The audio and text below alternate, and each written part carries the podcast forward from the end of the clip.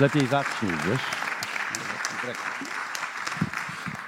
Szanowni Państwo, witam bardzo serdecznie w Europejskim Centrum Solidarności. Witam serdecznie pana Donalda Tuska i Radosława Sikorskiego.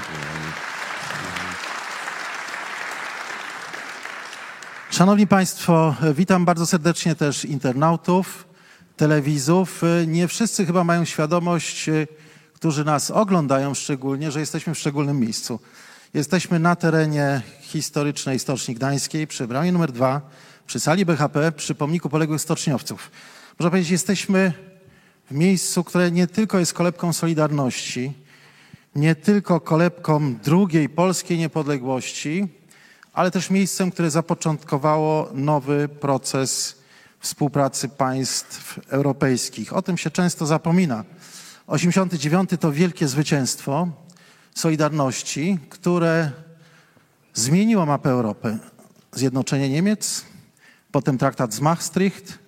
Państwa dotychczas neutralne, Austria, Finlandia, Szwecja, przystąpiły do Unii Europejskiej, a potem już w 2007 roku przy udziale Polski w Unii Europejskiej bardzo ważny traktat lizboński. Można powiedzieć, że Polska jest częścią tej wielkiej historii o poszukiwaniu współpracy międzynaroda, między narodami, tak aby pogłębić pokój i dobrobyt na naszym kontynencie. Trzy miesiące temu na tej sali, w tym miejscu, zaprosiliśmy w rocznicę porozumienia gdańskiego dwie Europejki.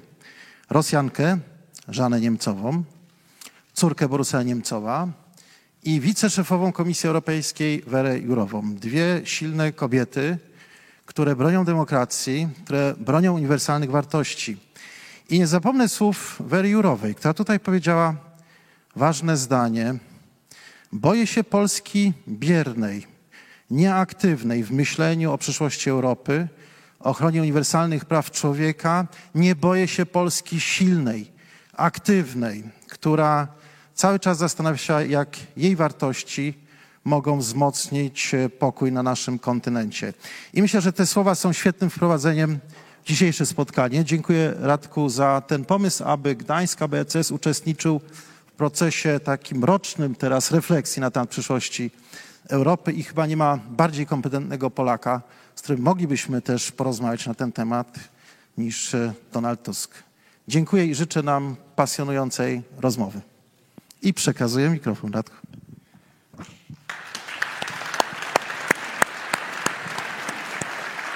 A ja dziękuję za zaproszenie i oczywiście miejsce, w którym zaczęła się II wojna światowa i narodziła się polska wolność, jest wymarzonym miejscem do dyskusji na temat przyszłości Europy, bo Unia Europejska została powołana właśnie po to, żeby, żeby coś takiego jak II wojna światowa nigdy się nie powtórzyło.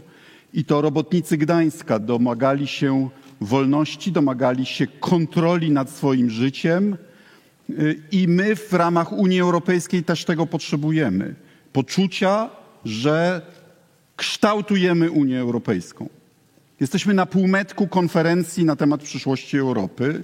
Jestem delegatem Platformy Obywatelskiej Europejskiej Partii Ludowej na tą konferencję, a Donald Tusk jest nie tylko przewodniczącym Platformy Obywatelskiej, ale jest nadal przewodniczącym Europejskiej Partii Ludowej, największej partii w Parlamencie Europejskim oraz do niedawna szefem Rady Europejskiej, a więc wie, jak Unia Europejska działa od wewnątrz.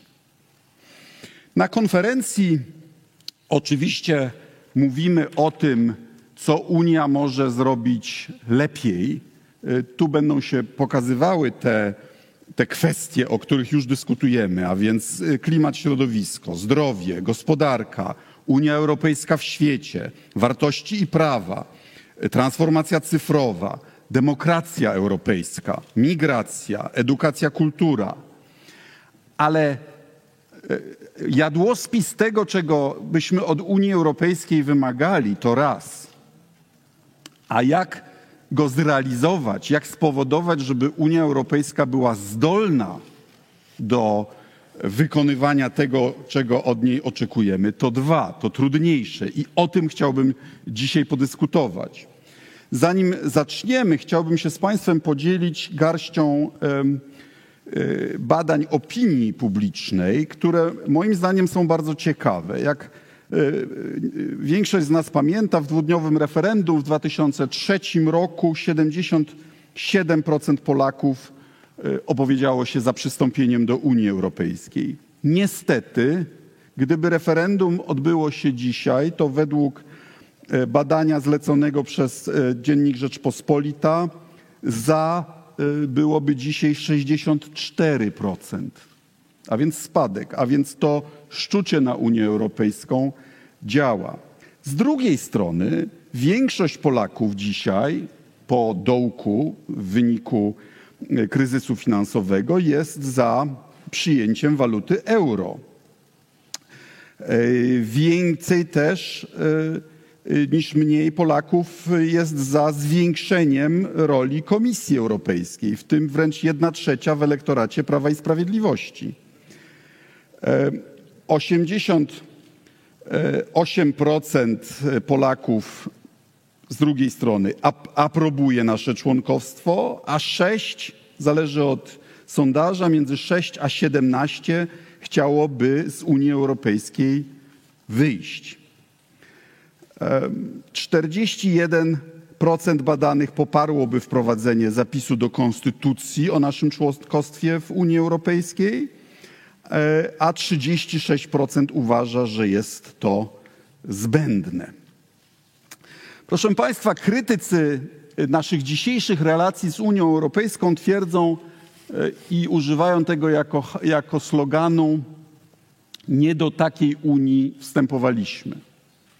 I to w sensie prawnym i technicznym jest prawda.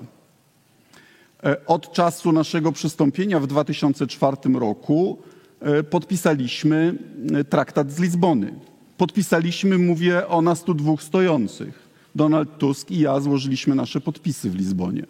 Na traktacie wynegocjowanym i parafowanym przez rząd Jarosława Kaczyńskiego i ratyfikowanym przez prezydenta e, Lecha Kaczyńskiego. A więc na obecny instytucjonalny kształt Unii Europejskiej Polska w demokratycznej procedurze wyraziła zgodę. Panie premierze Donaldzie, ja mam do ciebie takie pytanie.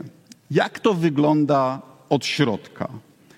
Y, ja uważam, że jesteśmy konfederacją z pewnymi federalnymi cechami, na przykład w dziedzinie handlu międzynarodowego, oddaliśmy kompetencje do y, negocjowania umów handlowych Komisji Europejskiej na wyłączność. To jest taka władza jakby federalna, prawda? W większości spraw potrzebny jest konsensus y, państw, a to znaczy w Radzie, której przewodniczyłeś, E, szefów rządów e, państw członkowskich. E, u nas panuje mit, że to jacyś urzędnicy europejscy narzucają dyrektywy czy decyzje. Czy jak byłeś szefem Rady Europejskiej, to miałeś takie sytuacje, że ktoś ci coś narzucał albo nie mogłeś się jakiejś presji oprzeć? Jak to wyglądało? Bo gdy ja byłem ministrem przez 7 lat, no to tylko jeden minister raz próbował mi coś narzucić, powiedział, jak nie zrobisz jak ja chcę, to ci to ci odpłacę w innej dziedzinie. Ale to nie był akurat e, e, minister jednego z obecnych państw członkowskich, tylko, tylko z tego kraju, który z Unii wyszedł. I zresztą groźby nie spełnił. Jak to wygląda od środka? Powiedz nam. Nie muszę używać tego mikrofonu, czy bez, tak? Dobrze. Jeszcze będziemy siedzieć, także to.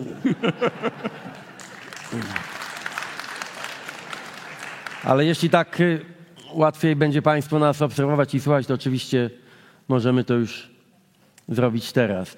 Y, pozwól, że na to dość konkretne pytanie odpowiem dosłownie za minutę, ale jedno czy kilka zdań wstępu.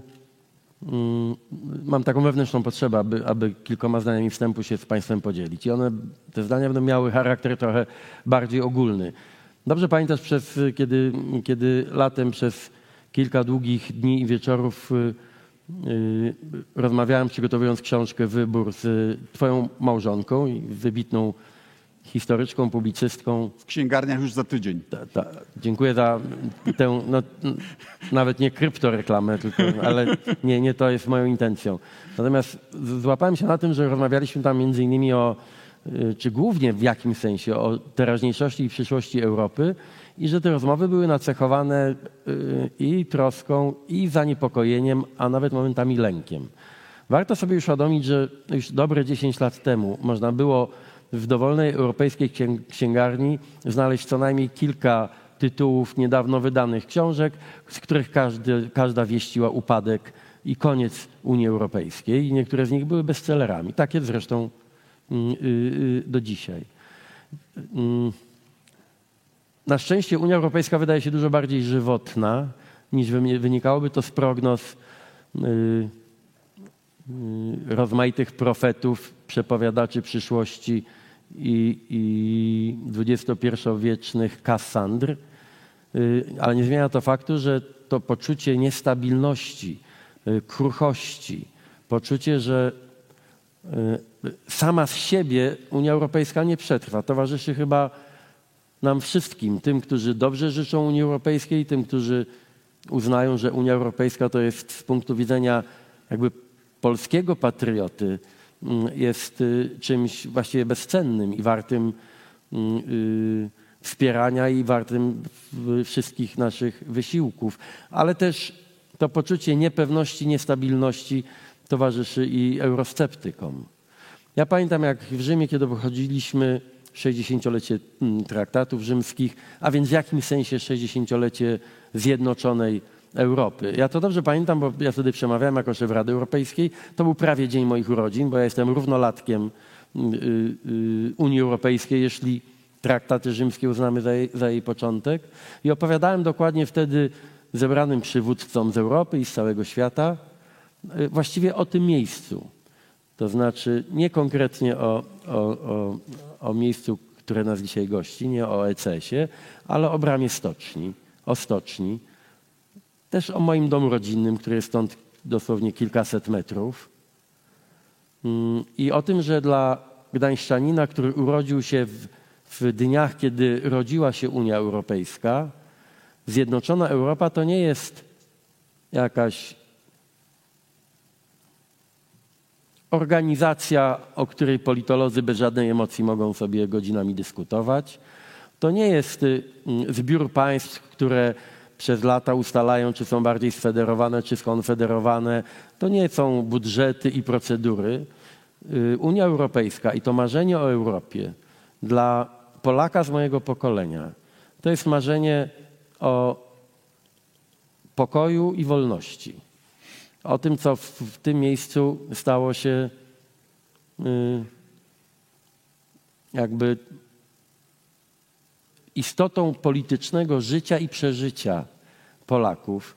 W roku 80 bardziej intuicyjnie niż, mm, niż w jakiś precyzyjny sposób, ale dokładnie o tym marzeniu o pokojowej i wolnej Europie, w której my Polacy i my jako Polska chcielibyśmy się w przyszłości znaleźć, bo marzymy o tym, żeby nigdy nie było wojny i o tym, żeby w pokoju ludzie żyli także w warunkach wolności. I to marzenie nam się spełniło i dla każdego, kto ma oczy otwarte, kto ma ta, odrobinę takiej intelektualnej przyzwoitości, Unia Europejska była, jest i będzie synonimem pokoju i wolności. I y, tu w Gdańsku i o tym mówiłem wtedy tym przywódcom i byli bardzo wzruszeni, muszę powiedzieć. Ja mówiłem, że te podstawowe argumenty na rzecz zjednoczonej Europy, o których wielu mówi, a to przestarzałe, nie mów już o tym, to już nikogo nie obchodzi, a więc argumenty, które wyrastają z doświadczenia II wojny światowej, nawet jeśli one są przestarzałe, albo nawet jeśli mało kogo obchodzą, to wcale nie zmienia faktu, że mają fundamentalne znaczenie. Czy Unia Europejska zjednoczona, Unia Europejska demokratyczna, Unia y, Europejska praworządna to jest taka Unia, w której nie powtórzy się nieszczęście II wojny światowej. Unia podzielona, Unia, gdzie wszyscy albo przynajmniej niektórzy wyrzekną się tradycyjnych, liberalnych, demokratycznych wartości Unia nacjonalizmów i populizmów, to prędzej czy później będzie znowu miejsce straszliwej katastrofy. I ja uważam, że nawet jeśli będą mnie przestrzegać politolodzy, komentatorzy, życzliwi mi ludzie, nie mów o tym, bo to właśnie już na nikim nie robi wrażenia. To ja chcę Państwu powiedzieć, że to musi na nas robić wrażenie. Szczególnie dzisiaj, kiedy widzimy, że ci wszyscy, którzy tak konsekwentnie I mówię tu i o mojej ojczyźnie, ale też o wielu innych miejscach w Unii Europejskiej, którzy tak konsekwentnie atakują Unię Europejską, podważają sens integracji jednoczenia, to zauważcie, że oni prawie bez wyjątku atakują też niezawisłe systemy sprawiedliwości, y, paraliżują wolne media, występują przeciwko równości płci, y, y, równości obywatelskich, praw obywatelskich. Tak jakby się rymowali, że użyję tu powiedzenia Marka Twena, z tymi wschodnimi satrapiami, właściwie jeden do jednego. I gdzie na końcu zawsze jest upadek i wolności, a w przypadku takich krajów jak Polska zawsze grozi upadek niepodległości. I stąd yy, dziękuję za, za, za wyrozumiałość, miały być dwa zdania, ale ja jestem tym naprawdę bardzo przejęty, bo, bo ja nie chcę rozmawiać o Unii Europejskiej i Europie tak, jakby to był jakiś akademicki spór, albo jakaś międzypartyjna debata, albo no, eurodeputowani, to nie, nie o tobie mówię, ale wiadomo, uwielbiają panele, dyskusje, zespoły, które będą dyskutowały o przyszłości. A ja uważam, że ta refleksja o przeszłości, ta wiedza, co znaczy podzielona Europa, wiedza o tym, co znaczy system autorytarny, musi nam towarzyszyć każdego dnia, żebyśmy dobrze rozumieli, jakie są najważniejsze powody, dla których Europę, zjednoczoną Europę, trzeba chronić przed tymi wszystkimi, którzy chcą nam ją zniszczyć.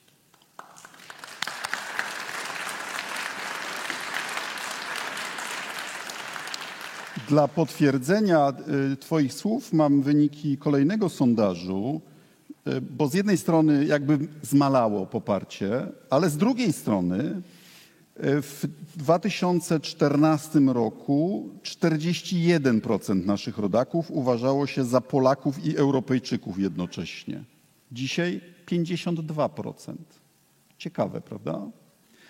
Chcemy Państwu oddać głos, ale umówiliśmy się, że zadamy sobie po jednym pytaniu. Więc podzielając filozofię pana przewodniczącego, jednak obydwaj wiemy, że Unia nie jest bytem idealnym, jak wszystko, co stworzył człowiek, że jest wynikiem kilkudziesięciu lat kompromisów, czasami dość pokracznych kompromisów pomiędzy państwami członkowskimi i Unia też nie spowodowała, że zniknęły interesy narodowe. One nadal e, są i państwa nadal w ramach Unii o nie walczą.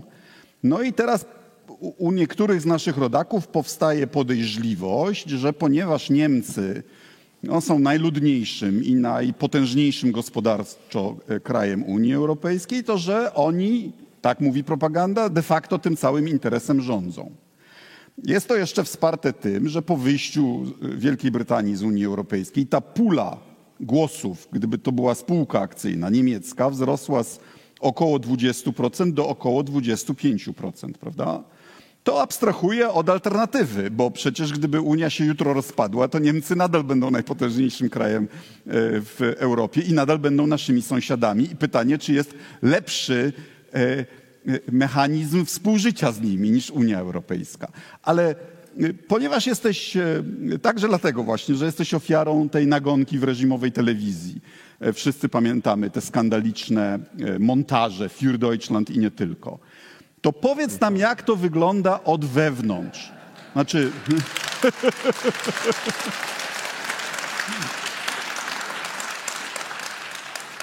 Bo to, że Niemcy się rozpychają w, w ramach instytucji Unii Europejskiej, no to każdy się próbuje rozpychać, prawda? Jak, jak to działało w praktyce? Ta rola Niemiec jako największego akcjonariusza, ale bez pakietu kontrolnego. Tak przynajmniej mnie się wydaje. To jest do, do, arcypolityczne pytanie, bo oczywiście yy, uzasadnione pretensje do niektórych głównych aktorów europejskich, w tym do Niemców, a czasami fobie antyniemieckie, no, stają się jakby też istotą tej bieżącej, codziennej polityki. Zresztą też nie tylko, mm, nie tylko w, dotyczy to rządu PiSu i atmosfery politycznej w Polsce. Ale to pytanie ma związek z tym pierwszym, na które nie, właściwie nie odpowiedziałem. I, i, I tu też jednym zdaniem. Y, ja uczestniczyłem w pracach Rady Europejskiej jako premier przez 7 lat i później przez 5 lat jako szef Rady Europejskiej. I ja wiem, że łatwo robić taką czarną propagandę i to jest no, albo przede wszystkim, że Berlin, albo że Bruksela, czyli jakiś zbiór mitycznych urzędników, coś tam narzucają. I to jest y, ta narracja, że istnieje, no u nas nawet już przekroczono wszystkie granice, bo słyszałem polityków rządowych, którzy y, mówią, że jesteśmy pod okupacją brukselską i że Unia tutaj obozy koncentracyjne niedługo będzie budowała. To zdaje się jeden, ten wybitny Europejczyk, chyba poseł Suski, to, to taką tezę Intelektualista partii rządzącej. wy, wy, wy, wygłosił. Natomiast oczywiście praktyka podejmowania decyzji w Unii Europejskiej ma różne i bardzo poważne wady. Akurat tej wady, żeby ktoś komuś coś narzucał, nie ma. W jakimś sensie ze stratą dla efektywności Unii. Kiedy my porównujemy efektywność także w procesie decyzji politycznych Unii Europejskiej versus Chiny, Rosja czy klasyczna demokracja amerykańska, to oczywiście u nas to trwa wszystko 10, 20, 100 razy dłużej. Bo jest to niezwykle skomplikowany mechanizm uzgodnień na poziomie urzędniczym, ministerialnym, później szefów y, y, y, rządów i głów państw. Jest Parlament Europejski, są komisje. I Unia jest tak skonstruowana, że nawet gdyby komuś przyszło do głowy, żeby chcieć coś narzucić, to to jest fizycznie niewykonalne. Mamy w związku z tym organizm m, dość mocno zintegrowany, niezwykle demokratyczny, przez co nie zawsze funkcjonalny i dość powolny w działaniu. Szczególnie jeśli chodzi o najtrudniejsze decyzje dotyczące pokoju lub wojny. W wydaniu europejskim oznacza to sankcje lub brak sankcji, na przykład wobec Białorusi czy Rosji. Y, To kosztuje zawsze bardzo dużo nerwów. Każdy, każdego musi jakoś przekonywać. I, mm, i, I na końcu wszyscy wiedzą, że my i tak musimy mieć ten tak zwany konsensus. To znaczy z mniejszym czy większym entuzjazmem, ale szanse mają takie decyzje, żeby się w ogóle narodzić, które w jakimś stopniu będą miały poparcie każdego państwa. To nie jest slogan, że w jakim sensie malutka Malta ma tyle samo do powiedzenia, co największe Niemcy. Są oczywiście różne przeliczniki, parytety wynikające z, y, y, z populacji. Mm, Jest oczywiście miejsce na taką gołą, prawdziwą politykę, gdzie potencjały oczywiście odgrywają rolę. W relacjach bilateralnych wiadomo, że będzie się bardziej respektowało stanowisko tych największych, y, no, w większym stopniu niż tych najmniejszych. Ale akurat Unia Europejska z jej instytucjami i Rada Europejska to jest dokładnie miejsce, które jest stworzone i które działa po to, żeby różnica potencjałów mniej wpływała na politykę, a nie bardziej. My, jako Polacy, umieszczeni przez Pana Boga między Rosją a Niemcami, z naszą historią, z naszymi tragediami, powinniśmy właściwie najlepiej rozumieć, jakim skarbem jest dobrowolne uczestnictwo takich państw jak Niemcy w Unii Europejskiej, która odejmuje im y, tego potencjału politycznego za ich zgodą, ponieważ jest tak skonstruowana, żeby właśnie zrównoważyć znaczenie państw i narodów trochę niezależnie od ich faktycznego potencjału gospodarczego czy ludnościowego. Mówiąc krótko, y, jeśli rodzą się uzasadnione czasami obawy, że szczególnie po wyjściu Wielkiej Brytanii, że Niemcy są trochę za duże jak na Unię Europejską, że pozostali partnerzy są trochę za mali, trochę za słabi, żeby ten balast był autentyczny. To nie ma się co oszukiwać, bo no nie, nie oszukamy arytmetyki, demografii, geografii, gospodarki. No tak, są najwięksi, ale właśnie Unia jest po to i Unię po to wymyślono, żeby z tego tytułu, że są więksi od innych, nie mogli robić szkody, tak jak robili kiedyś w przeszłości. I to ja, ja dlatego uważam, że gdybym ja miał tutaj hopla takiego antyniemieckiego, jak y, y, Kaczyński czy Ziobro, to ja bym robił na ich miejscu wszystko, żeby Unia Europejska była jak najbardziej zjednoczona, y, y, jak najintensywniej pracująca, bo to jest metoda na pokojowe, przyjazne ograniczanie roli takich państw jak, jak Niemcy. I to jest, znaczy to jest w ogóle abecadło europejskie. Właściwie przepraszam, że, że ten tak oczywisty fakt muszę tak często jakby powtarzać w Polsce, gdzie tak łatwo właśnie zamieszać nam w głowie, że że mm, Unia to jest instrument w ręku Niemców, żeby nam zaszkodzić czy nam jakoś y, dokuczyć, bo tak naprawdę jest dokładnie odwrotnie. Za- Zanim zadasz mi pytanie, to chcę tylko skomentować, bo koledzy z- i koleżanki z PiSu powinni zajrzeć do własnego manifestu z 2007 roku, kiedy oni jeszcze to rozumieli, w którym jest powiedziane, że wzmocnienie instytucji europejskich jest dobre dla y, y, małych i średnich państw członkowskich, bo pomaga okiełznywać te zapędy tych największych. Wspomniałeś o Malcie. E, Właśnie e, e, klub parlamentarny naszej partii wyłonił Maltankę na naszego kandydata na szefa Parlamentu Europejskiego. No w jakim innym em, systemie ktoś z Malty, która ma tyle mieszkańców, ile ma, miałby szansę na zagranie pierwszych skrz- skrzypiec w, w polityce europejskiej. A mnie zawsze dziwi, że nasi rywale stawiają postulat, że państwa europejskie mają być sobie równe. Znaczy w sensie protokolarnym oczywiście wszystkie państwa są sobie równe, ale średnie państwo europejskie miałoby 18 milionów mieszkańców. To znaczy równość, znaczy co? Polska ma, być, ma być, mieć tą samą siłę sprawcą co Malta? Jesteśmy jednym z pięciu największych krajów w Unii Europejskiej. Powinniśmy być w grupie trzymającej władzę. W grupie, która nadaje ton i która proponuje różne e, rozwiązania dla Unii Europejskiej, a nie być jakimś zastrachanym w kącie krajem bojącym się o, o swoją pozycję. Twoja kolej. Tak, to jest w ogóle kapitalny przykład. Ja zupełnie mi to wyleciało z głowy, ale a przecież uczestniczyłem w tym jakby każdego dnia jako ten partyjny szef zarówno Roberty Metzoli, która została naszą kandydatką na szefa Parlamentu Europejskiego, jak i Manfreda Webera, szefa tej naszej frakcji parlamentarnej, Niemca, który był wskazany już dwa lata temu jako murowany kandydat na szefa parlamentu. I on przyszedł do mnie i, i właśnie to jest, to jest istota Europy. I powiedział, wiesz co, ja się obawiam, że jednak ja mogę nie wygrać tych wyborów w Parlamencie Europejskim. Ja wcale nie jestem pewien, czy to był najlepszy pomysł. I, i, i właściwie sam się wycofał na rzecz przedstawicielki najmniejszego kraju Unii Europejskiej. I ona y, w cuglach wygrała te prawybory i została naszą kandydatką. To dobrze ilustruje właśnie tę filozofię i logikę działania y, y, w Unii Europejskiej.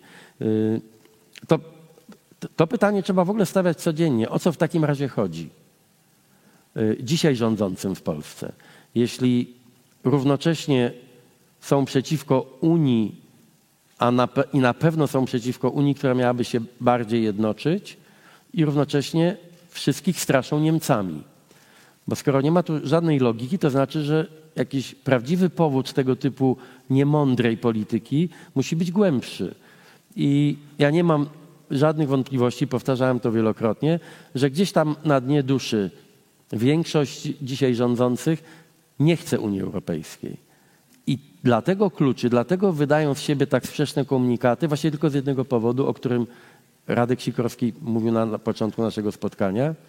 Bo jeśli powiedzieliby to głośno i wyraźnie, to co naprawdę myślą, to na, nawet wielu wyborców ich partii odwróciłoby się od nich plecami.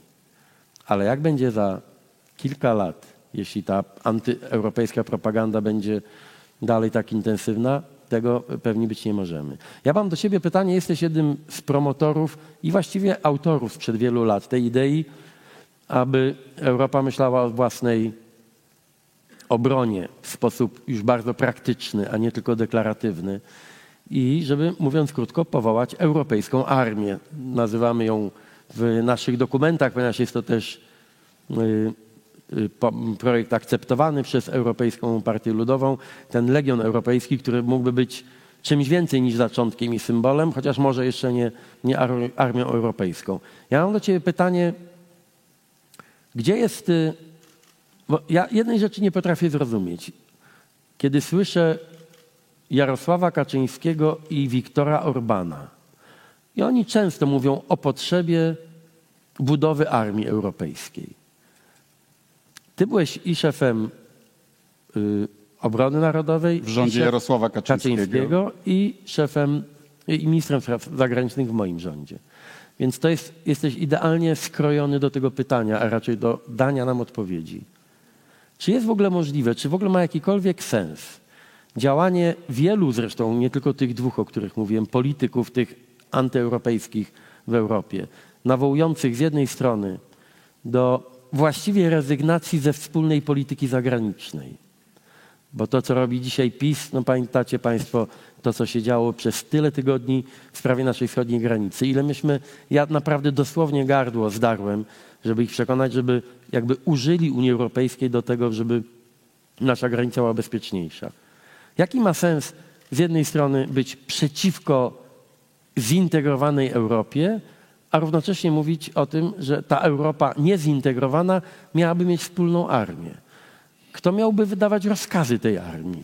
Kto miałby ustalać, przeciwko komu ta armia, armia ma, ma, ma wystąpić? Jak znam Orbana, to ta armia nigdy w życiu nie zrobiłaby niczego przeciwko interesom Rosji na przykład mm, w, w razie potrzeby. Więc to, to pytanie wydaje mi się dość istotne. Czy w ogóle jest sens i szansa, abyśmy mieli armię europejską zdolną do działania, jeśli nie zrobimy kolejnego mocnego kroku naprzód, jeśli chodzi o integrację też w dziedzinie polityki zagranicznej?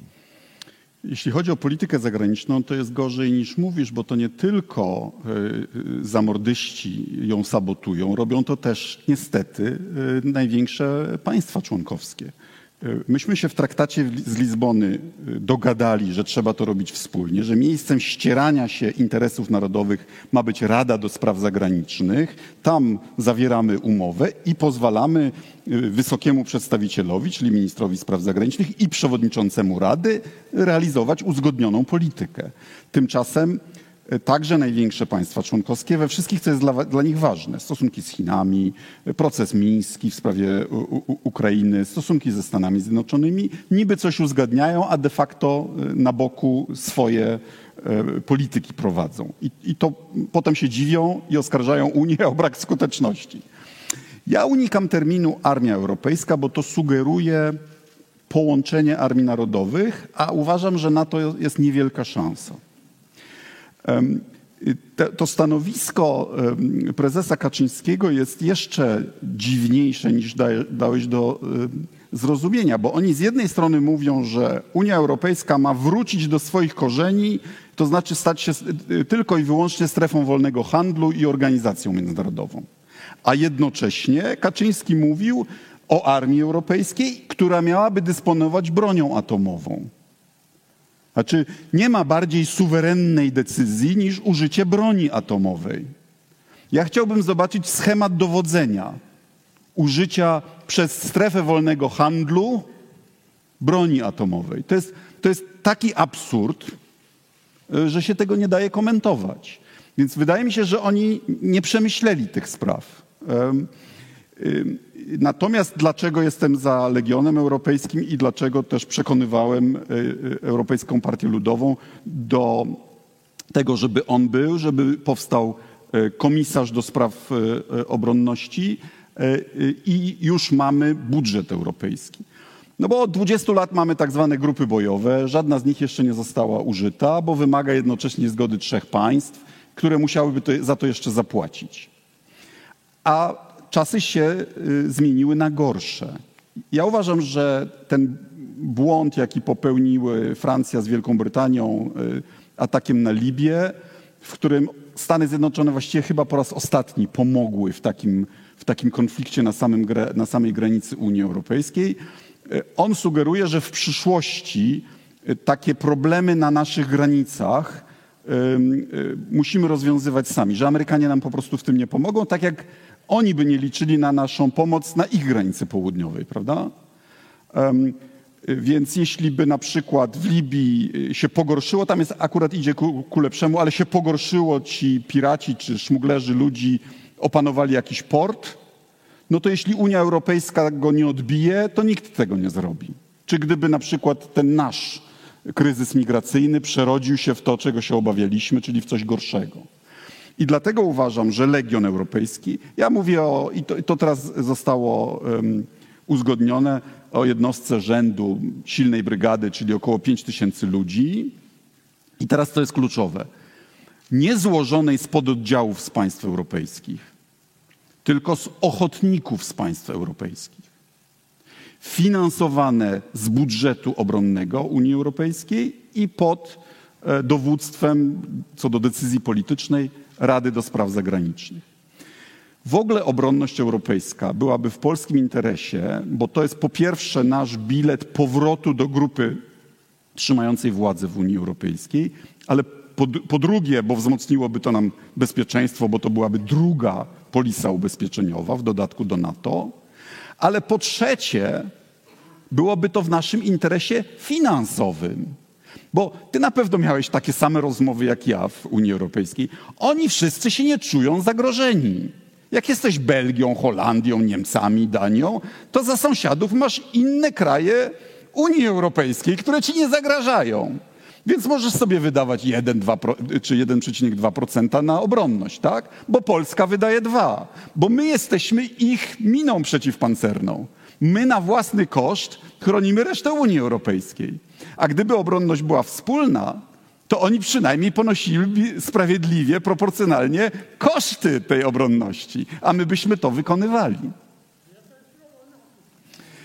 E, może byśmy otwarli w tej chwili na dyskusję, bo, bo, bo, bo, chcemy też, e, znaczy konferencja na temat przyszłości Europy ma to do siebie, że to państwo mają mieć wpływ na to, e, o czym będziemy obradować. I proponuję twardy parytet, czyli pani, pan. Panowie się na razie zgłaszają. O nie, pani się zgłasza, proszę bardzo.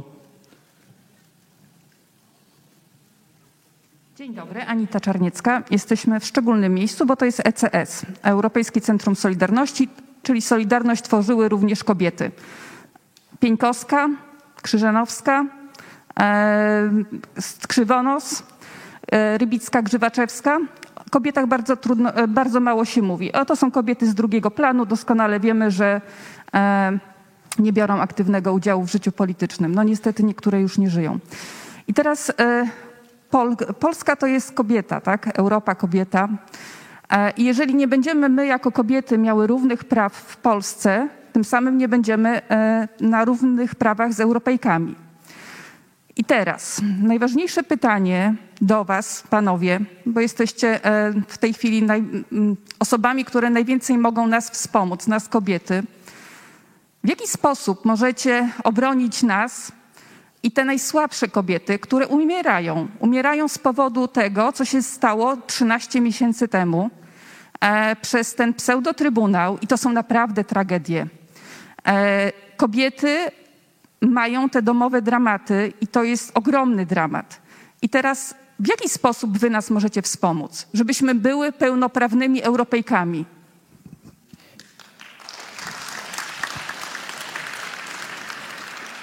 No, jeśli Roberta Metsola zostanie przewodniczącą Parlamentu Europejskiego, a wszystko na to wskazuje, to będziemy mieli dwie kobiety w kluczowych miejscach w Unii Europejskiej. Um, ja brałem udział w strajkach kobiet u mnie w, w Szubinie, w Nakle, w Bydgoszczy, w Warszawie i też uważam, że to była skandaliczna decyzja.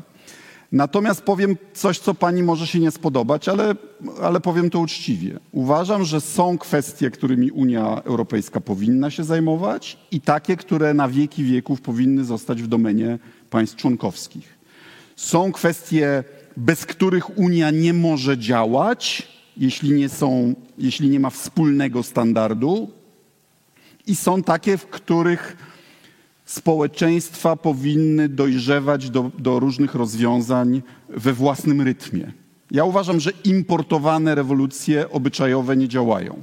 Najlepszym tego przykładem niech będzie Afganistan, gdzie przez 20 lat wydawało się, że już jest bardziej równo, bardziej postępowo i, i, i wrócili talibowie. Więc ja uważam, że Parlament Europejski oczywiście ma swoje zdanie i je wyraża. I, to jest zdanie, z którym pani się zgodzi.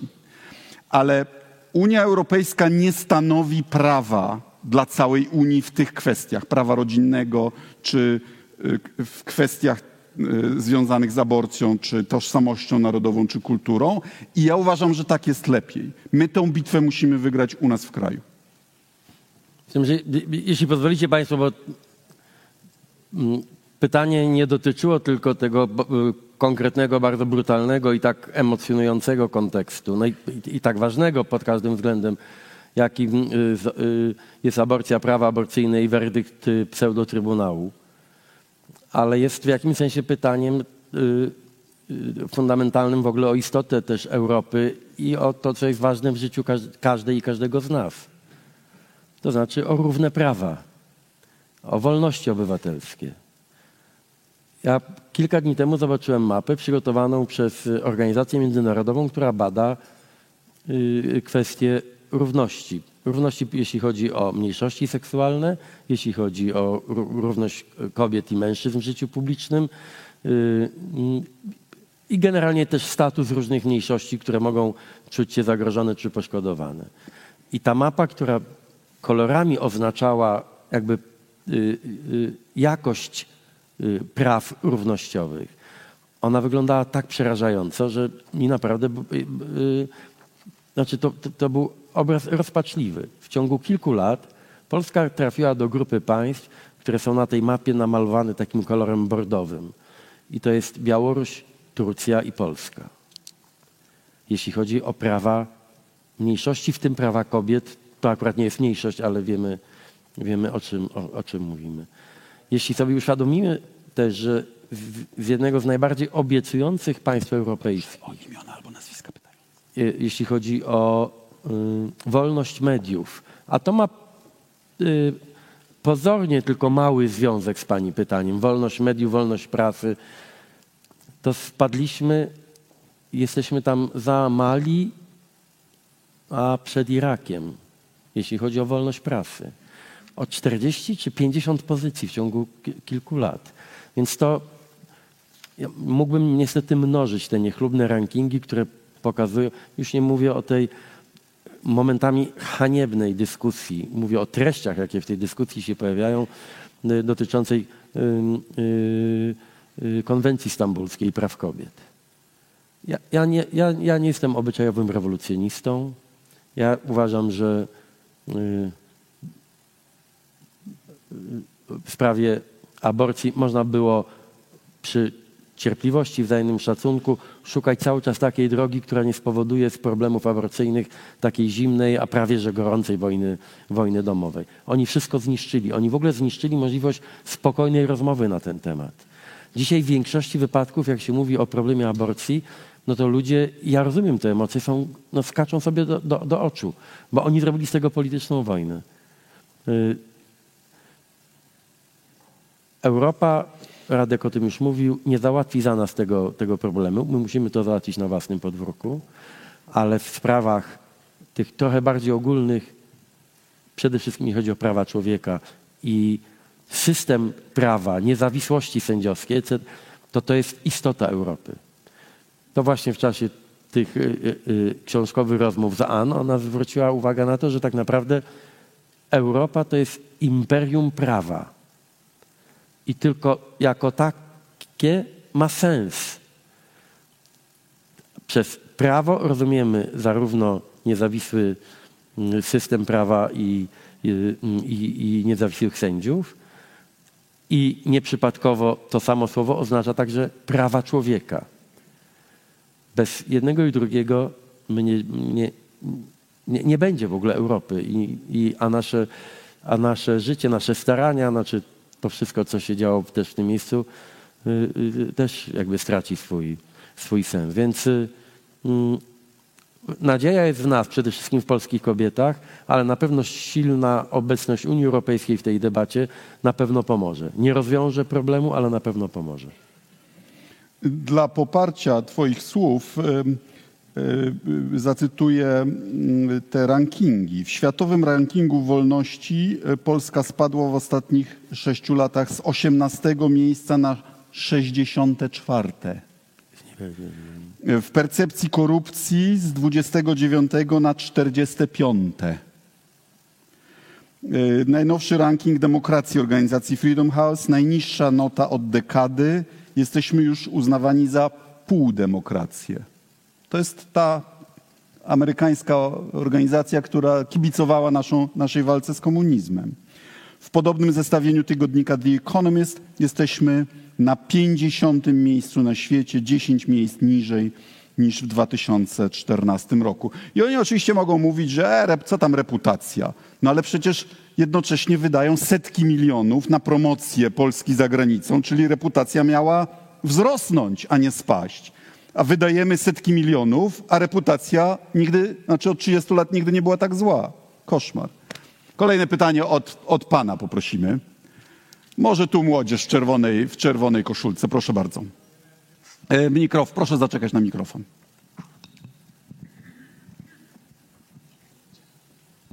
Ja miałem przyjemność rozmawiać z panem y, zaraz przed rozpoczęciem wydarzenia. Nie wiem, czy pan pamięta. Studenckie Radio Mors.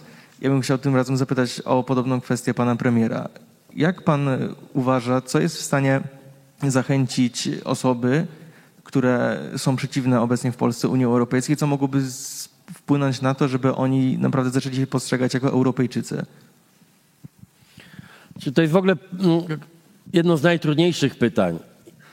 Y, Czy istnieje szansa, aby narodziła się głęboka emocjonalnie, intelektualnie, kulturowo tożsamość europejska? Nie w opozycji do tożsamości narodowej. To już w Europie ci nawet najbardziej zagorzali y, zwolennicy pełnej integracji, pełnej federacji y, y, zrozumieli i tych sporów na szczęście jest coraz mniej na temat y, y, y, sensu istnienia jakby tożsamości narodowej. Tego już nikt rozsądny, mądry, mądry nie kwestionuje. Czy możliwe jest dołożenie tożsamości europejskiej, z której wynikałoby także poparcie również emocjonalne dla Unii Europejskiej jako własnego domu, jako, jako własnej organizacji politycznej. Czy, czy my jesteśmy w stanie to osiągnąć? Na pewno nie drętwą nowomową brukselską, na pewno nie wzniosłymi apelami. Kłopot polega na tym i ja, ja tu zresztą nie mam jednoznacznej odpowiedzi, bo ja sobie zdaję sprawę, że jeśli Europa jest dzisiaj w jakiejś konfrontacji, nie, nie mówię o zbrojnej konfrontacji, ale konfrontacji ideowej, czasami gospodarczej, kulturowej, z takimi potęgami jak Rosja, czy Chiny, czy Turcja, to popatrzmy, jak tam te tożsamości są, można powiedzieć, jednolite. Nawet w Chinach, które długo się jakby y, y, wyrzekały nacjonalizmu, oni także wrócili do tego pomysłu, aby budować taką tożsamość zbudowaną na, na y, y,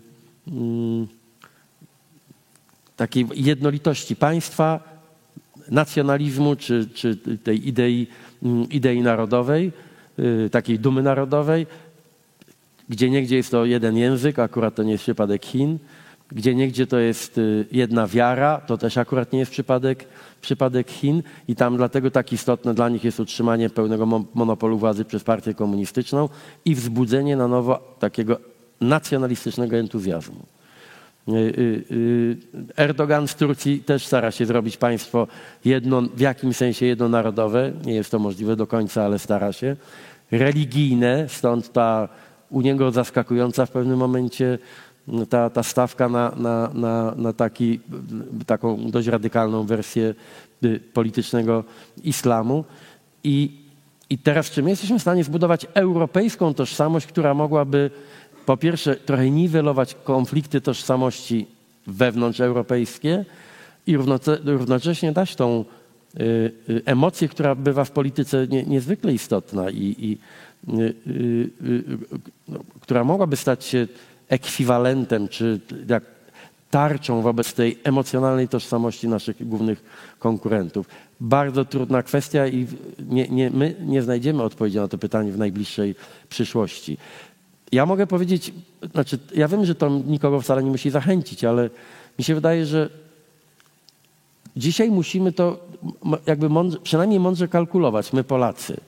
Znaczy, okej, jeśli czujesz się narodowcem, jeśli te emocje narodowe, czy czasami wręcz nacjonalistyczne są takie najmocniejsze, jeśli tylko biało-czerwona i żadne inne y, y, kolory nie wchodzą w rachubę, to moim zdaniem warto dotrzeć do, do, do ludzi z takim nastawieniem, z taką perswazją praktyczną. Znaczy, wszyscy chcemy Polski niepodległej, Polski bezpiecznej, Polski rozwijającej się.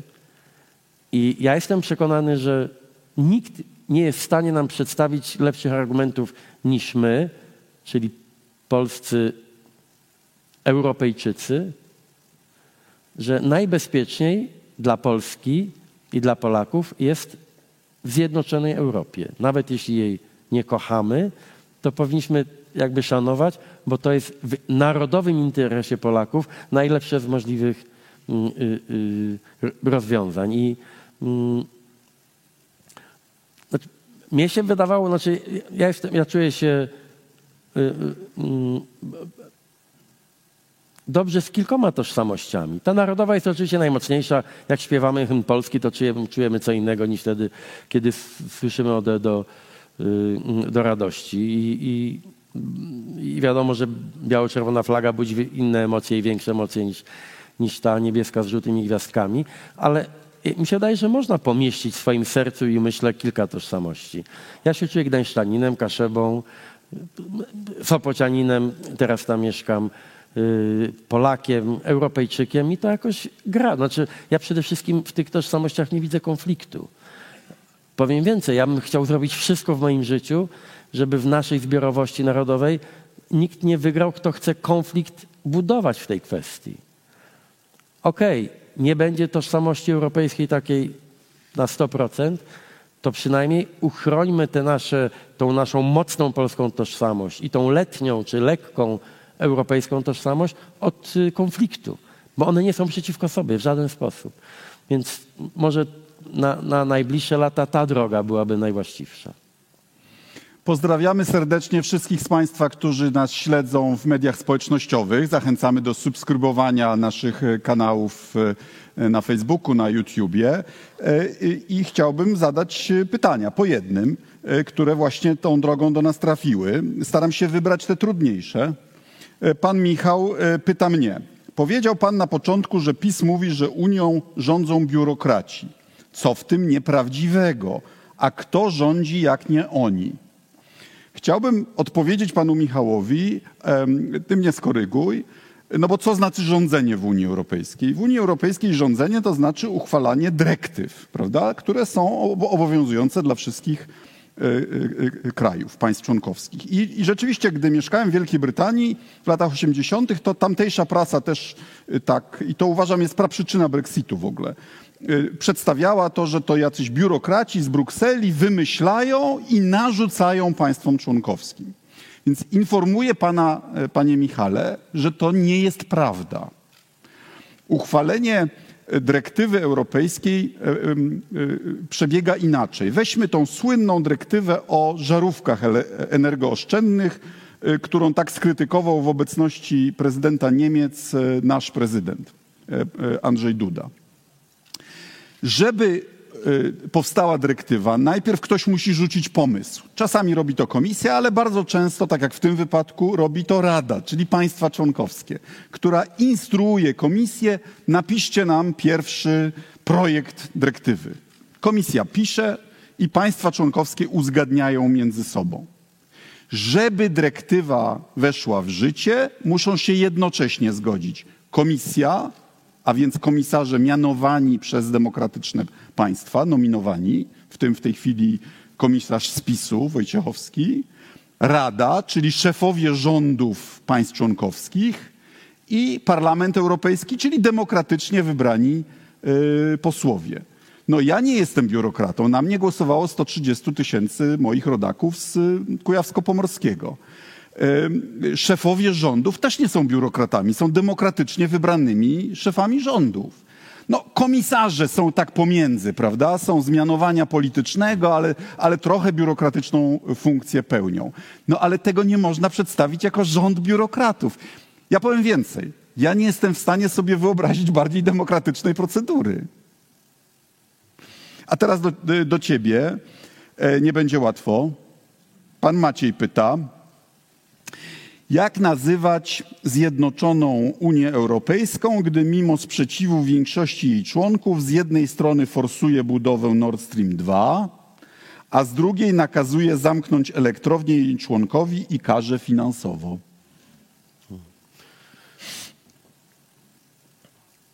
Nord Stream 2 nie jest projektem europejskim. Jest projektem z punktu widzenia interesów Unii Europejskiej yy, złym.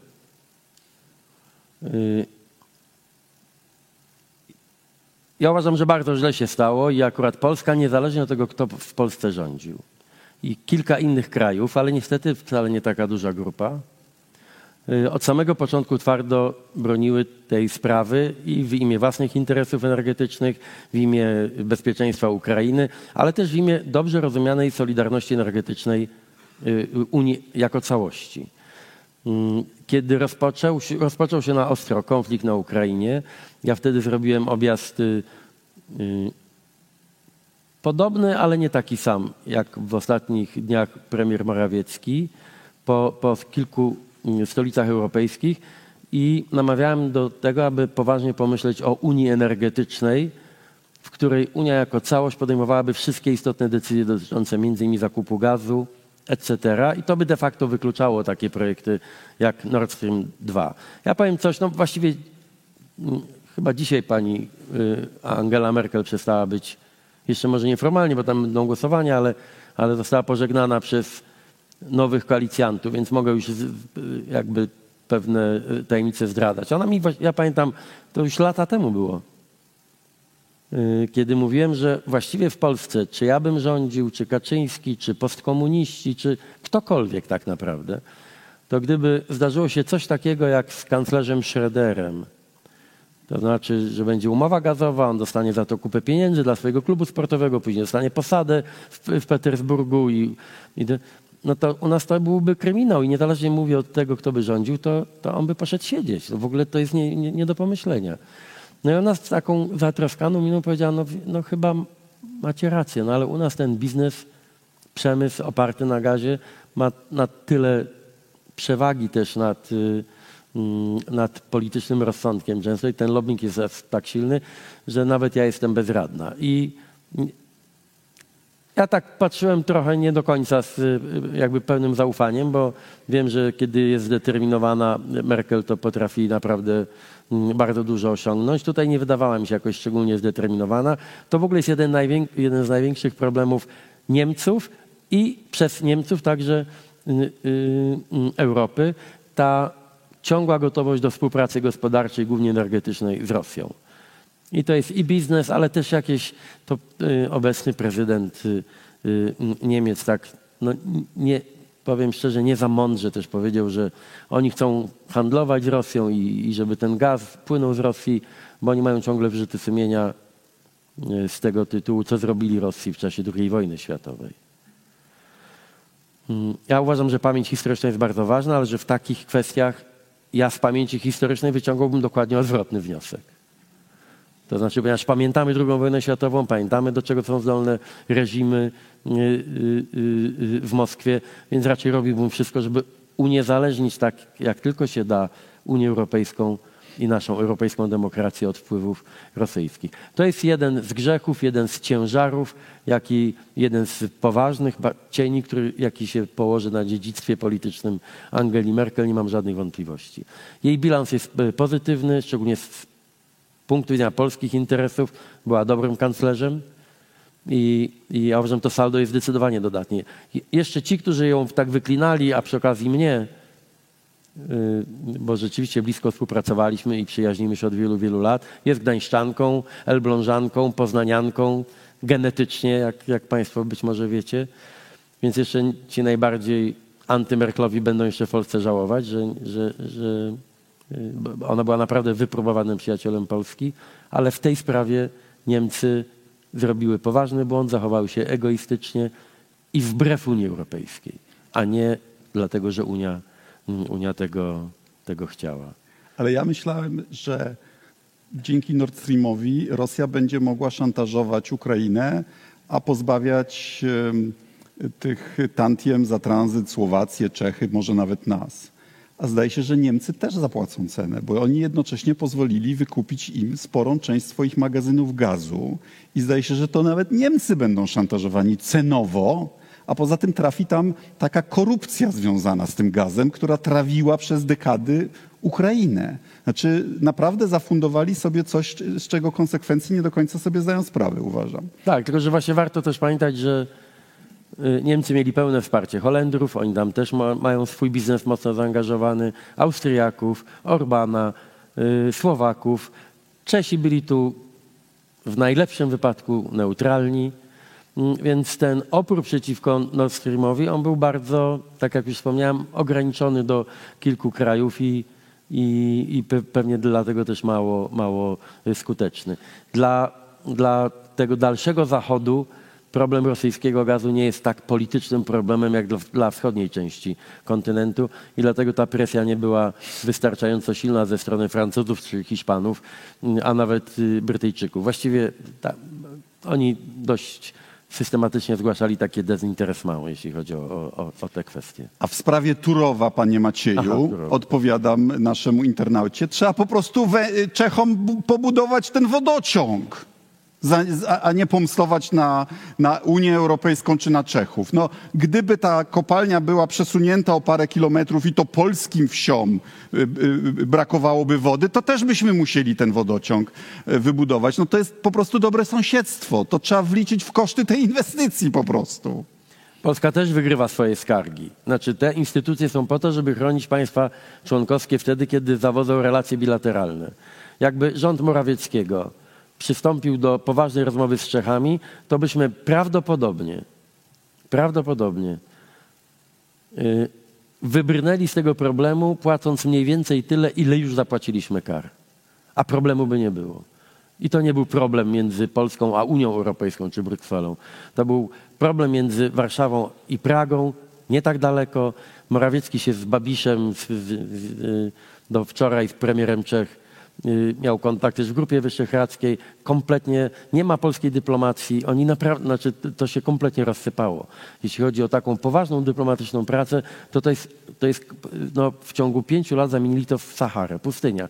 Nie ma, nie, znaczy y, będziemy jeszcze przegrywali wiele spraw, głównie dlatego, że oni nie chcą z innymi rozmawiać, nie potrafią z innymi rozmawiać i, i, i skutki w Europie będą zawsze tak wyglądały. W Europie, jak nie rozmawiasz, nie przekonujesz do swoich racji, nie, no to na końcu przegrywasz. Ale jak przekonujesz i masz choćby odrobinę argumentów, to zawsze wygrywasz i y, cała tajemnica. Czas na pana. Może tutaj pan cierpliwie czeka. Pani, o przepraszam, to pani. A, Szczerze tutaj. powiedziawszy, był młody i był pan Tak. Maciej i pan A, to Michał. prawda, to prawda. Tutaj pani, proszę bardzo, mikrofon. Tak, tak, tak. Nie, nie, tu, Dobrze, dobrze, to już jak już tam... jak już tam jest mikrofon, dobrze, to, to I pani będzie dobrze, następna, dobrze, dobra? tak. Ja chciałabym do, y, zadać pytanie dotyczące sytuacji klimatycznej, y, energetyka i rolnictwo. Y, Wiem, że w Unii Europejskiej aktualnie trwają cały czas przepychanki na temat e, dyskryminacji, jaka spotyka energetykę jądrową, jeśli chodzi o finansowanie w po- w porównaniu do OZE. I- Chciałabym zapytać, jak panowie widzą, jak się rozwinie ta sytuacja i jest, czy jest szansa na zakończenie tej dyskryminacji oraz czy jest szansa na poluzowanie polityki co do genetycznie modyfikowanej żywności. Ja nie, nie bardzo zrozumiałem, na czym dyskryminacja polega. OZE otrzymuje dofinansowania z budżetu unijnego, a aktualnie Unia Europejska blokuje dofinansowania tego typu dla energetyki jądrowej, nie kwalifikując jej jako źródło odnawialne. Okej, rozumiem. No to bardzo szczegółowe pytanie. Gdyby tu z nami był e, czy to europoseł Jarubas, czy, czy inne osoby, które się szczegółowo tym zajmują. Em, Ale, ale możemy powiedzieć, że jest mało prawdopodobne, powiem szczerze, szczególnie kiedy patrzymy na to, jak wyglądają wyniki wyborów y, w państwach europejskich, aby mm, energetyka jądrowa została uznana w jakimś szybkim terminie jako mm, ten, y, no, część miksu zielonego i że uproszczę i, i, i ja nie byłbym tutaj jakimś łatwym optymistą, ale istnieje możliwość nie bezpośredniego, ale pośredniego finansowania ze środków europejskich energetyki jądrowej. I mm, ja akurat tutaj uważam, że spokojnie można i w Polsce, i w wielu państwach europejskich zbudować konsensus na rzecz energety, energetyki jądrowej, ona jako taka nie będzie zagrożona. No, y, tutaj y, kilka państw europejskich, Niemcy, ciekawe właśnie co będzie się działo teraz y, z zielonymi, w, y, no będą mieli tam bardzo silną reprezentację w nowej koalicji rządowej, więc czeka nas pewnie jeszcze tutaj batalia, ale jeśli pyta mnie Pani o intuicję, to nie sądzę, żeby udało się przekonać wszystkich zielonych w Europie, żeby potraktować y, energetykę jądrową jak klasycznie odnawialne źródło energii, ale na pewno nie będzie, nie, moim zdaniem nie ma ryzyka, żeby poszło ostrzej, tak jak niektórzy, niektórzy zieloni w Europie chcieli, czyli żeby de facto wyeliminować energetykę jądrową, co dla państw no, wielu, przecież nie tylko Polsce. Niewykonalne dla Francji, Jest i niewykonalne i, i, i nie byłoby do zaakceptowania. Także, także dla naszych, y, naszych sąsiadów. Ja y, duże nadzieje wiążę z, i o tym będziemy rozmawiali. Ja mam nadzieję, że w ciągu najbliższych kilku miesięcy uda się przedstawić bardzo konkretny i szczegółowy y, plan wodoryzacji polskiej i europejskiej energetyki. Mam prawo przypuszczać i nie tylko tu w Polsce, ale także w Polsce, te y, y, prace są bardzo, bardzo obiecujące i, i że w, oczywiście nigdy całościowo kwestii nie, nie rozwiążemy, ale bardzo ulżymy energetyce europejskiej, światowej i polskiej, y, jeśli odważnie i szybko przystąpimy do, już nie do badań, ale do wdrażania energetyki wodorowej. I to na, nie, nie mówię tylko o, o y, motoryzacji, ale też o produkcji energii. Mm, Tak jak wspomniałem, będziemy, myślę, za kilka miesięcy gotowi Państwu przedstawić bardzo konkretny, szczegółowy program w tej, w, tej dziedzinie. Natomiast powiem szczerze, ja na, na drugim temacie, ja nie jestem kompetentny, nie, nie chcę tutaj lać wody i nie, nie, nie, nie odpowiem na to pytanie.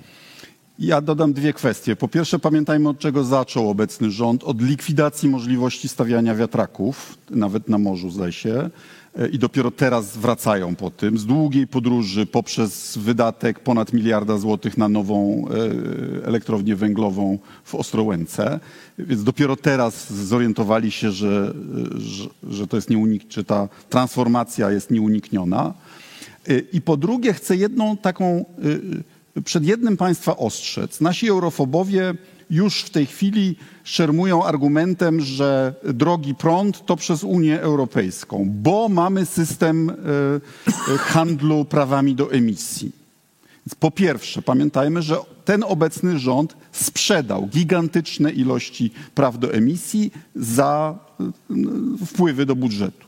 I po drugie, i kluczowe, to nie jest podatek europejski. Podatkiem europejskim jest coś, co wpływa do budżetu Unii Europejskiej. Y, Pieniądze z, ze sprzedaży z zielonych certyfikatów wpływają do polskiego budżetu. I z tych pieniędzy y, y, państwa członkowskie muszą, do tej pory to było 50%, w przyszłości ma być 100%, mają wydać te pieniądze na inwestycje proekologiczne. Pieniądze zostają w kraju, tylko następuje przekierowanie z wysokoemisyjnych, trujących gałęzi przemysłu na rzecz, y, na rzecz transformacji energetycznej. Wydaje mi się, że to jest to jest y, ciekawe rozwiązanie. Ma swoje y, y, oczywiście wyzwania, e, ale dzięki temu Unia Europejska jest liderem tego procesu i dzięki temu to tu powstają technologie, które w przyszłości być może kupi cały świat. Chyba czas na pana w tej chwili. Proszę bardzo.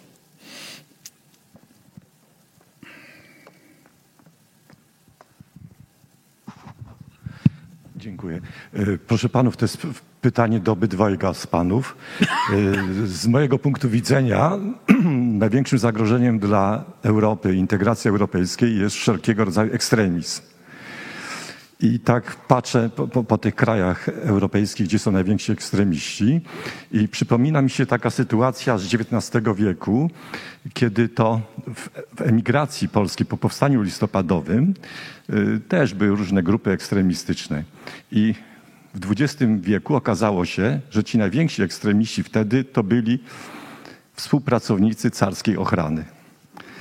I ja mam pytanie, jak Państwo widzicie źródła tego ekstremizmu w tej Europie? Bo, przepraszam bardzo, ani gospodarka, ani zdrowie, ani klimat, wszyscy mamy wspólne poczucie, że o to musimy zadbać.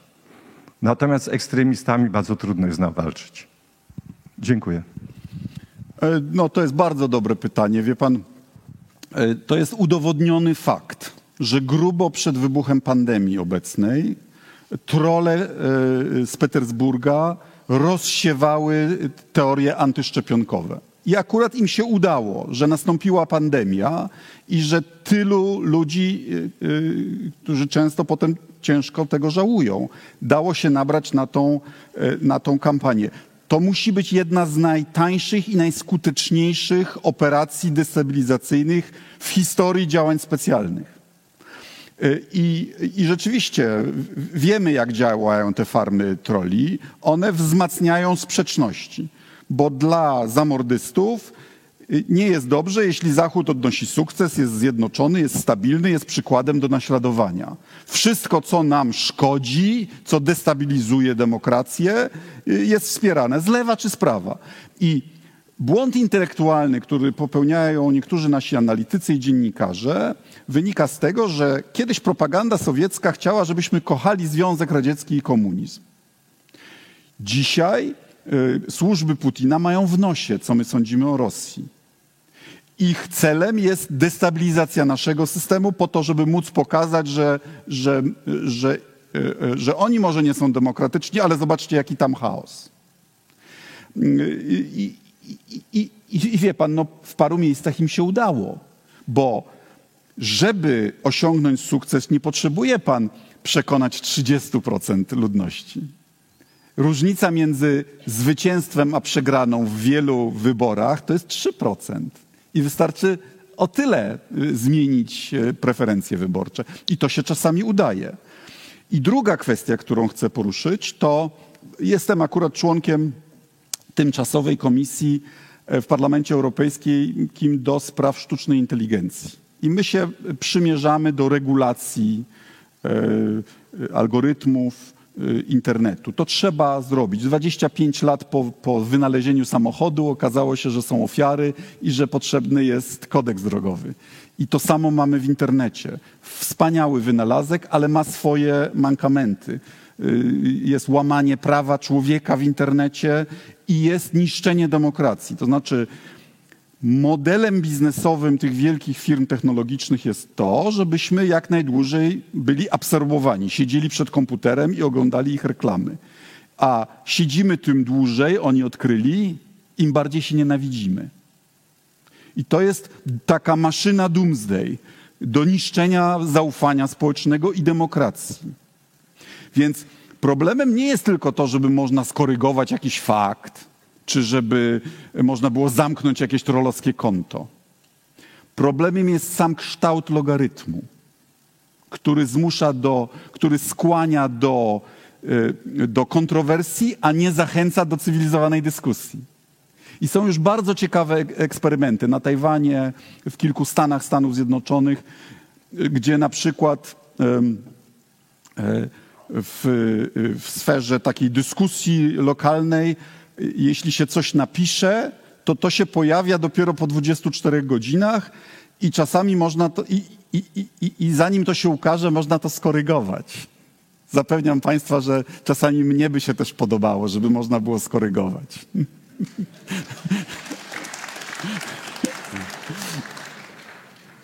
To, o czym y, y, wspomniał Radek Sikorski, to jest w ogóle jedno z największych wyzwań cywilizacyjnych, nie tylko politycznych.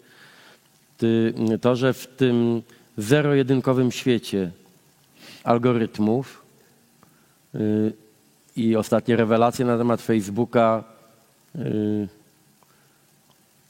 przedstawione przez sygnalistkę, byłą pracownicę Facebooka, one w jakimś sensie potwierdzają ten, te, zasadność tych obaw, że właśnie w świecie zero-jedynkowym, w świecie algorytmów, w świecie gigantycznych ilości danych,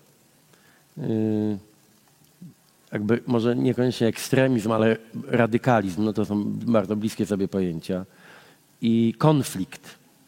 No właściwie słowo zero-jedynkowy oznacza jakby niezdolność uzyskania kompromisu w języku potocznym.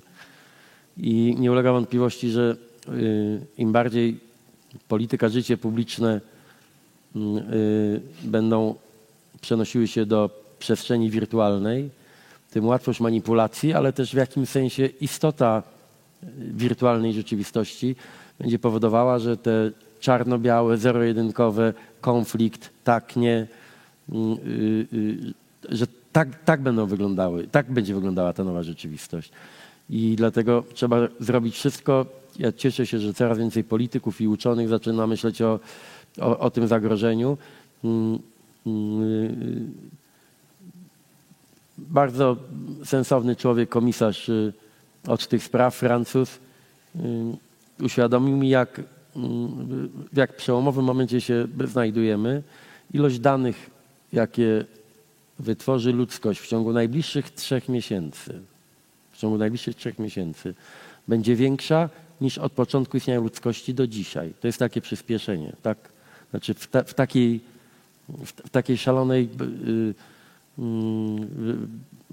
rzeczywistości przyszło nam żyć i to ma swoje bardzo praktyczne konsekwencje także y, y, w polityce i na skrzyżowaniu polityki i nowoczesnych technologii. Mm, Nie ulega też wątpliwości, ja, ja nie jestem rusofobem.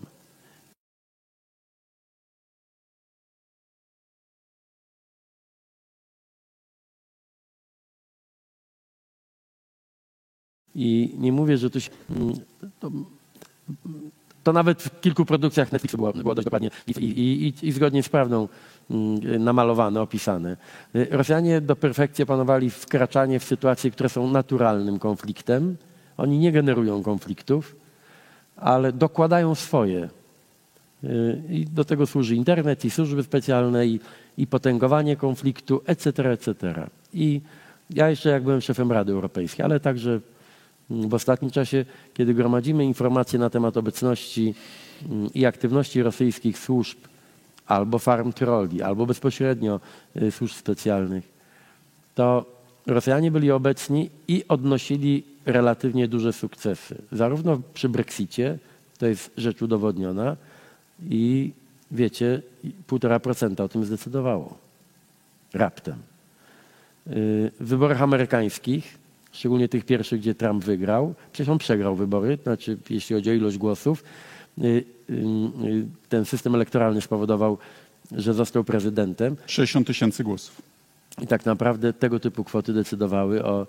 Rosjanie bardzo szybko wyciągnęli wnioski z niezwykłej historii. To był Al Gore, zdaje się, nie? Ile? Sześć głosów? Pięć głosów na Florydzie rozstrzygnęło o tym, kto został prezydentem. Kiedy Al Gore zrezygnował. Znaczy wycofał się w końcu, żeby nie było czwartego, piątego liczenia, i, a w perspektywie jakiś, jakiegoś paraliżu Ameryki. I Rosjanie wyciągnęli z tego jakby bardzo praktyczne i bardzo ponure wnioski. Jest konflikt y, Katalonia, reszta Hiszpanii. Zapuścicie Państwo trochę więcej światła w historię referendum i później tych bardzo ostrych zamieszek i, i, i konfliktu na linii Barcelona-Madryt. Rosyjskie ślady bardziej niż widoczne. Pojedziemy do Kosowa i zobaczymy, co się dzieje między Kosowem a Serbami dzisiaj. Zobaczymy Rosję i to nie tylko na poziomie mm, y, jakby takich mm, dyskretnych akcji specjalnych, ale też nieustannie płynących sugestii politycznych z Moskwy, że jeśli Serbia będzie chciała zrobić porządek z Kosowem, to Rosja jest do dyspozycji. Y, mm, Jeśli przypomnimy sobie najbardziej radykalne walki uliczne tak zwanych y, żółtych kamizelek na ulicach Paryża i nie tylko, to do dzisiaj są do dyspozycji materiały filmowe, gdzie często słychać język rosyjski u przywódców tych najbardziej agresywnych band ulicznych. I tak dalej, i tak dalej, i tak dalej. Możemy tego, to, to mnożyć i najbardziej skuteczny, yy, najbardziej skuteczna dywersja polityczna czy sabotaż polityczny yy, jest wtedy, kiedy do autentycznych problemów i emocji szczególnie tam, gdzie włączają się autentyczne ruchy radykalne lub ekstremistyczne, dokłada się tej logistycznej możliwości, bezdolności mm, y, y, Rosji. Ja mówię tutaj o Rosji, ale wiemy też, że Chiny też nie są od macochy. To jest odległość i kwestie kulturowe powodują, że są mniej widoczni, ale, ale też, y, mm, też są już do tego przygotowani i też ślady ich aktywności tego typu mm, też łatwo, coraz łatwiej niestety odnaleźć. I dlatego y, Także z tych powodów ta pańska obawa jest oczywista i, zrozumiała. Ale ja się też boję tego, co się dzieje z naszą umysłowością. To znaczy, nie tylko ekstremiści są dzisiaj radykalni, ale główne nurty są też radykalne. W, w, przeprowadzono takie badania. Obawiam się, że w Polsce by były dość podobne wyniki. Co życzysz swojemu oponentowi politycznemu? Czego byś chciał? Jakiego rozwiązania? I wiecie, że zaczynają przeważać i to w, w głównych nurtach odpowiedzi, że życzę, życzyłbym nieistnienia albo unicestwienia fizycznego. Ja życzę im dwa razy tyle tego, co oni życzą mnie. Nie wiem. Wydaje mi się, że to jest bardzo okrutne życzenie, bo ja powiem szczerze, ja im życzę połowę tego, co mi życzą, a i tak się źle czuję, bo też wydaje mi się to, to bardzo brutalne. Y, Ale, tak, ale ja bym nie chciał żyć wśród ludzi i pal sześć, jakie mają poglądy polityczne, ale nie chcę żyć wśród ludzi, którzy o swoich oponentach myślą w kategorii nienawiści albo chęci unicestwienia. A ta zaraza zaczyna ogarniać nas wszystkich. To jest problem. Ja już nie chcę powtarzać, ja mam, ja mam swoje przekonanie, kto jest temu winien, dlaczego, ale, ale zostawmy ten, mm, bo to będzie mój pogląd, będę tu subiektywny. Natomiast my musimy naprawdę robić wszystko od dzisiaj, żeby tej chorobie nie ulec. Co to będzie za zwycięstwo, jeśli sobie będziemy siedzieli w gronie? Ja mówię o, o ludziach, którzy mają do mnie pod, poglądy podobne do moich. Że my będziemy robić wszystko, żeby odsunąć od władzy tych, których uważamy za ekstremistów, radykałów, populistów. I, i, na, i, I ja w to głęboko wierzę, wygramy wybory, odsuniemy ich od władzy. Tylko na miłość Boga, żeby ci wszyscy, którzy będą chcieli tej zmiany, żeby jej nie rozumieli tak jak aktualnie rządzący, żeby nie oczekiwali, że ten drugi świat zniknie. My i tak wszędzie na świecie, ale w Polsce musimy odnaleźć zdolność życia obok, jeśli nie razem ze sobą. Nie, nie, wiadomo, nie z każdym chciałoby się żyć w jednym, w jednym domu, ale to przynajmniej obok siebie. Ale dajmy, da, dajmy żyć innym i niech oni dadzą nam żyć. Nawet jeśli nie będzie tej empatii. A ja tylko przypis dodam. Chciałbym pana przekonać, że jedyna szansa na ucywilizowanie internetu, e, tak aby stał się narzędziem, e, e, w, którym i prawa człowieka, i prawa jednostki są jakoś zbalansowane z tymi prawami firm. Jedyna nadzieja to jest Unia Europejska.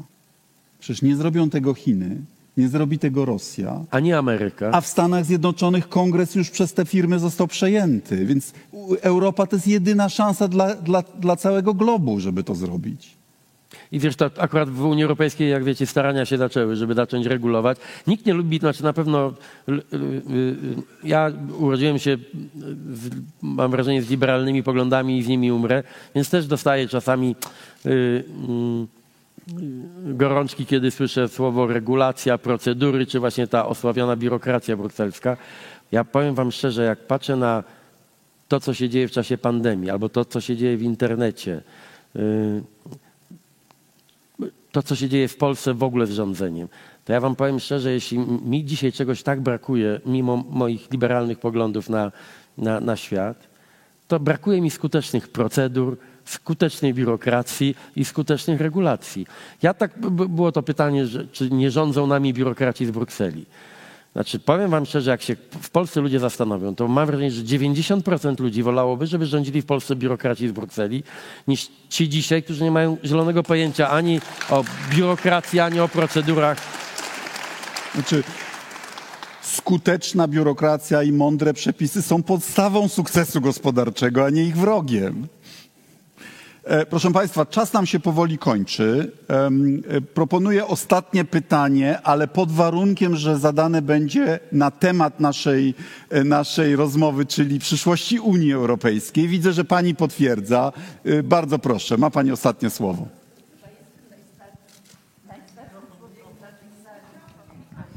Ale błogosławiona jest młodzież. Nie, dobrze, słuchajcie, to zróbmy tak, że obie panie zadadzą Tak jest, pytanie. bardzo proszę. Jedna pani i druga i my później odpowiemy, jest. tak?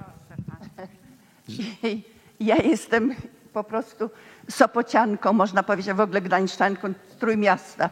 urodzona w Bydgoszczy. O, miło mi. I, ba, I przed wojną, w 1936 roku. Wow. I myślę, że tutaj nikogo takiego nie ma dorosłego, a może jest, nie wiem, jeżeli jest młodzież, to chcę tylko potwierdzić to, że stoimy za Unią i Polska powinna być w Unii, tak jak pan premier Donald Tusk powiedział. I uważam, że jeżeli ktoś inny ma inne zdanie, to po prostu nie wiem, jak, jak nazwać. Szanujemy inne zdania, ale się z nimi nie zgadzamy. powiedzieć. A to ja właściwie w tym samym kontekście, Ewa Topór-Nawarecka jestem. Chciałam zapytać, y, ja jestem euroentuzjastką, czyli zwolenniczką naszego bycia w Unii, jestem obywatelką Unii. Chciałam zapytać, jak my, obywatelki, obywatele Unii, tu w tym kraju możemy, mimo tego, co robi rząd, możemy y, zwiększać czy wpływać na tą naszą tożsamość y, unijną, o której panowie mówili, czyli europejską. Co my możemy robić jako zwykły szary człowiek? Co ja mogę robić? Dziękuję. Ja mam koncepcję, bo wie pani, ja mieszkałem w Wielkiej Brytanii w latach 80., już o tym wspomniałem. I tam y, każdego dnia, zresztą korespondentem wtedy Daily Telegraph był Boris Johnson, mój, mój kolega z roku. I on zaczął tą modę na naśmiewanie się z Unii, napisanie o tych prostych bananach, o, o, czasami to były y, prze, przeinaczenia, czasami, czasami gorzej. Y, W każdym razie to sączenie bzdur o Unii Europejskiej. I problem polegał na tym, że nikt się im nie przeciwstawiał. Znaczy, Komisja Europejska, mając swoje biuro w Londynie, siedziała cicho, a inni politycy brytyjscy e, raczej tłumaczyli Unię w sposób przepraszający. No tak, no jest fatalna ta Unia Europejska, no ale wolny handel, wicie, rozumicie, musimy w niej być, no bo inaczej będzie bariera celna. Tak się nie da wygrać argumentu. To znaczy, po pierwsze, i to każdy z nas może zrobić, jak słyszymy kłamstwa, jak słyszymy przeinaczenia, trzeba prostować, bo kłamstwo, jak się zakorzenia, to wpływa na opinię i wpływa na, na argument. Ten konserwatywny brytyjski rząd rozpisał referendum, był niby za, ale tego, tego zwrotu prounijnego dokonał dosłownie w ostatniej chwili, tak? po 30 latach antyunijnej retoryki i po prostu był w tym niewiarygodny. Ja sobie poprzysiągłem i serdecznie apeluję do pani, żeby nie pozwolić na uruchomienie się takiego mechanizmu w Polsce. Że jeżeli e, o Unii kłamią, to korygujemy, podajemy fakty, podajemy argumenty, nie, po, nie pozwalamy kłamstwu się zakorzenić. Bo tam jeszcze pani obiecaliśmy ostatnie pytanie.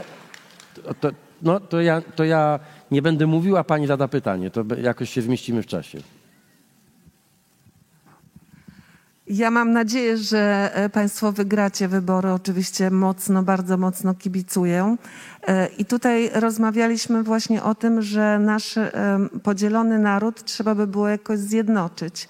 E, To, że ten naród został podzielony, to jest nie tylko wina, oczywiście to jest przede wszystkim wina e, Prawa i Sprawiedliwości, tego rządu, ale również tego wielkiego, e, ogromnego instrumentu, jakim jest telewizja polska, tak? I można powiedzieć, że właśnie ta obrzydliwa propaganda, która jest sączona każdego dnia od rana do nocy poprzez tę stację, wpływa na to, że ta nienawiść robi się coraz e, większa, prawda? I to e, boli nas wszystkich, bo ja też nie nienawidzę tej drugiej strony. Ja mogę tylko ubolewać, że ich umysły są przesączone tymi kłamstwami i że oni nie potrafią przez to e, samodzielnie myśleć. Bo nieraz spotykam się w takich sytuacjach rozmowy, że ci ludzie przede wszystkim właśnie z małych miast e, i wsi posługują się do, dosłownie językiem tej stacji, tak? Powielają te same zdania. I czy teraz, jak już dojdziecie e, do władzy, liczę na olbrzymie reformy, oczywiście te e, sprawami kobiet, sprawami e, osób nieheteronormatywnymi również, chociaż edukacja, przede wszystkim edukacja, to czy ten projekt, o którym zdaje się, że pan premier wspominał, czyli likwidacja TVP, że dojdzie do skutku i czy ta stacja zniknie, żeby nie powielać i żeby nie w przyszłości uniknąć znowuż takich e, fatalnych e, następstw, prawda? Dziękuję. Na sali mamy kamerę TVP. O co zakład, że tego pytania nie puszczą na antenę?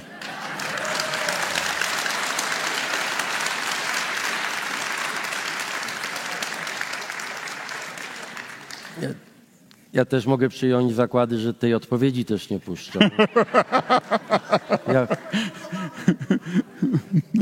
ja Państwu powiem tak, i to nie jest. y, mm, tu nie chodzi o jakąś figurę retoryczną.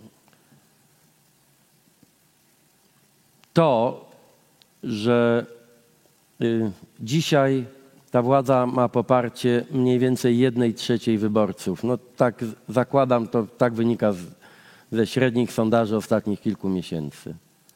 Po sześciu latach tak intensywnej, bez, bez trzymanki, bez żadnych y, moralnych ograniczeń granic, nieustannej kampanii przy użyciu wszystkich mediów państwowych. Coś o tym wiem, bo jestem dość często bohaterem tych, tych produkcji. Znaczy, nie było czegoś takiego w historii. Ja jestem wychowany w Polsce, no, cała moja młodość upłynęła w czasach komunistycznych. Byłem działaczem nielegalnej wówczas Solidarności i opozycji. Domyślacie się Państwo, co myślałem o tamtych mediach państwowych wówczas, dzienniku telewizyjnym, Urbanie, yy, yy, Rzeczniku Rządowym i tak dalej. Muszę powiedzieć, że to, to, była, to, to były przedszkolaki, to była naj, w szkoła podstawowa. Dzisiaj media publiczne to jest, to jest wyższa szkoła nienawiści i pogardy. Znaczy naprawdę mogliby uczyć we wszystkich autorytarnych reżimach, w jaki sposób robić propagandę, która ma upadlać innych, która ma budzić właśnie nienawiść, emocje. To jest coś, co ja, ja naprawdę nie lubię używać przesadnych słów. Ja naprawdę dużo w życiu widziałem, ale ja czegoś takiego w życiu nie widziałem. Nig, właściwie nigdzie na świecie. Tak bezwstydnej, tak partackiej z drugiej strony machiny propagandowej. I sobie tak myślę przewrotnie że jeśli oni jeszcze dokupują tych mediów, jeszcze tak jak słyszeliśmy, znowu będą chcieli zaatakować TVN za, za, za, za kilka dni, marzy im się monopol. I jeśli oni, mając do dyspozycji ten monopol, jeśli oni po tym jakby upodleniu i podporządkowaniu Kościoła w dużej części, a to też jest przecież medium społeczne, jeśli oni mają dzisiaj tylko jedną trzecią poparcia, to znaczy, że nie jest tak źle z Polakami. Nie jest tak źle z naszą ojczyzną. Bo przecież to pranie mózgów powinno teoretycznie przynieść skutki o wiele bardziej dramatyczne, niż w rzeczywistości im się to, to udaje. Ja już nie, nie mówię, że mam też y, jakiś osobisty mały zysk, wbrew temu, co myśli pan Jacek Kurski, y, bo ja rzadko jestem w domu no, no, z racji swojej, mm, swojej pracy. I, y, a, I moja wnuczka naprawdę bardzo często pyta, co w ogóle mnie serce się kraje, gdzie jest dziadzia.